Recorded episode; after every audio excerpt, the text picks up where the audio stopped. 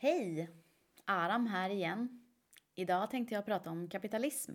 Välkommen till Bara fem minuter till avsnitt 3. Kapitalism är ett ekonomiskt och politiskt system. I systemet så finns kapitalisterna som äger produktionsmedlen och arbetarna som används för att producera.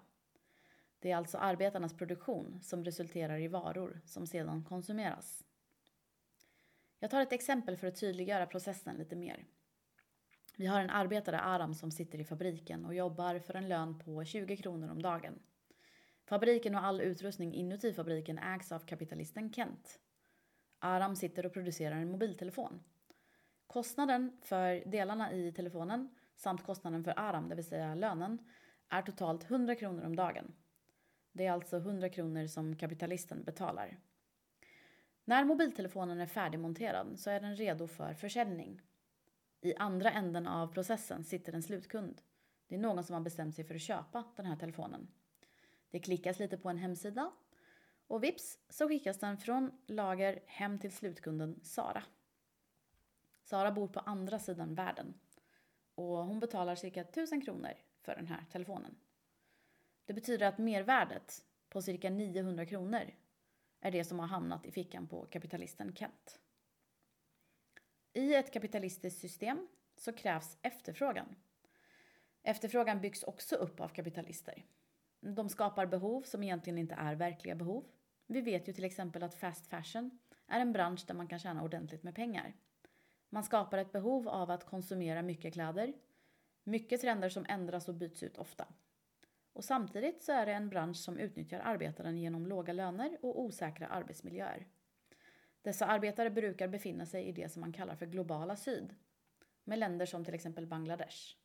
Medan då konsumenter och slutkunder befinner sig i det som kallas för globala nord, som till exempel här i Sverige.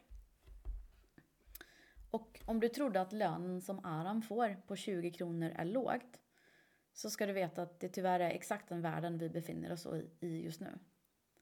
Fabriksarbetare som producerar för H&M tjänar i genomsnitt 750 kronor i månaden. Samtidigt så är levnadslönen i Bangladesh mer än dubbelt så mycket, på 2083 kronor. Det här är alltså samtidigt som H&M's VD har en månadslön på 1,1 miljoner kronor. Det är alltså en lön som är nästan 1500 gånger så mycket som arbetaren i Bangladesh. Vi vet också att H&M fick för övrigt 2 miljarder kronor i statligt coronastöd. Det skapas alltså en efterfrågan för varor som vi egentligen inte behöver. Men som vi indoktrineras i att vilja ha.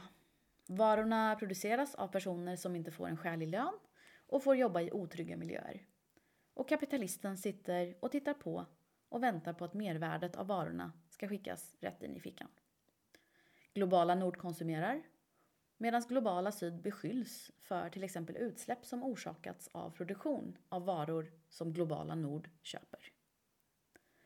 100 företag var ansvariga för 71 procent av alla fossila utsläpp mellan 1988 och 2017.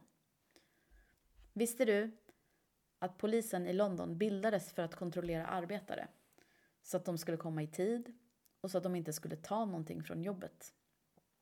Polisen skapades alltså inte för att skydda befolkningen utan för att skydda kapitalistens kapital.